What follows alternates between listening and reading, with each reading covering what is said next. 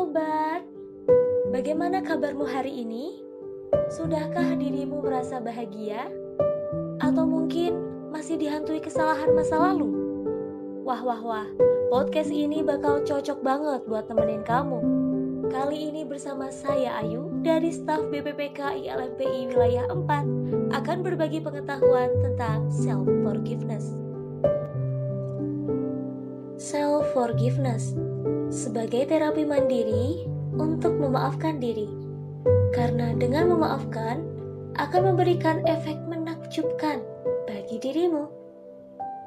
Pernahkah kalian mendengar tentang self forgiveness? Self forgiveness berarti proses memaafkan diri, di mana emosi negatifmu dapat dirubah menjadi lebih positif. Dengan begitu, suasana hatimu akan kembali normal. Manfaat apa saja yang kita dapat dari self-forgiveness?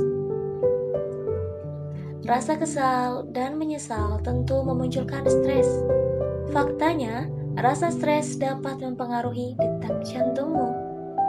Jadi, ketika kamu berhasil memaafkan diri dan menetralisir rasa stres, kamu mendapatkan manfaat kesehatan jangka panjang bagi jantung dan kesehatanmu secara menyeluruh. Fakta menarik lain, dengan memaafkan, dapat mempengaruhi lima ukuran kesehatan, yang antara lain gejala fisik, penggunaan obat-obatan, kualitas tidur, kelelahan, dan keluhan somatik. Gimana nih sobat? Apa kamu tertarik untuk melakukan self-forgiveness? Memaafkan diri kadang tidak semudah memaafkan orang lain. Kamu butuh waktu, proses, rasa sabar, dan kamu harus mencoba empat langkah berikut ini.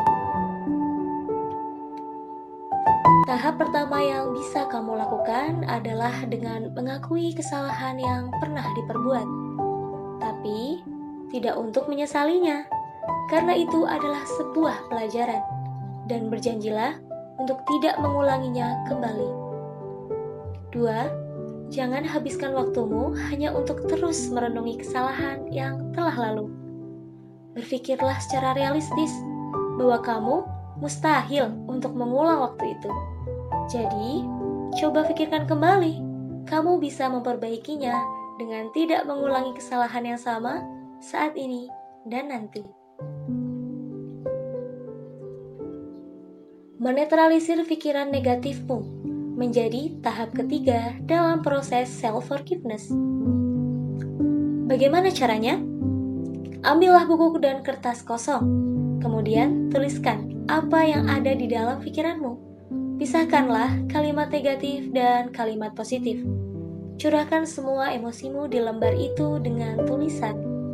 Kemudian, bacalah pelan-pelan dan sadari bahwa pikiran negatifmu itu sama sekali tidak benar jadi, tidak ada penghalang lagi untukmu menyalahkan diri sendiri. Tahap terakhir dari self-forgiveness adalah belajar mencintai diri sendiri. Bagaimana orang lain akan mencintaimu, sementara kamu saja tidak mencintai diri sendiri? Seseorang cenderung akan memaafkan orang lain yang ia cintai ketimbang yang tidak ia cintai. Begitu, bukan? Nah, untuk itulah kamu harus mencintai dirimu sendiri. Bentuk cinta itu beragam. Salah satunya ya dengan memaafkan. Gimana sobat? Tertarik? Selamat mencoba!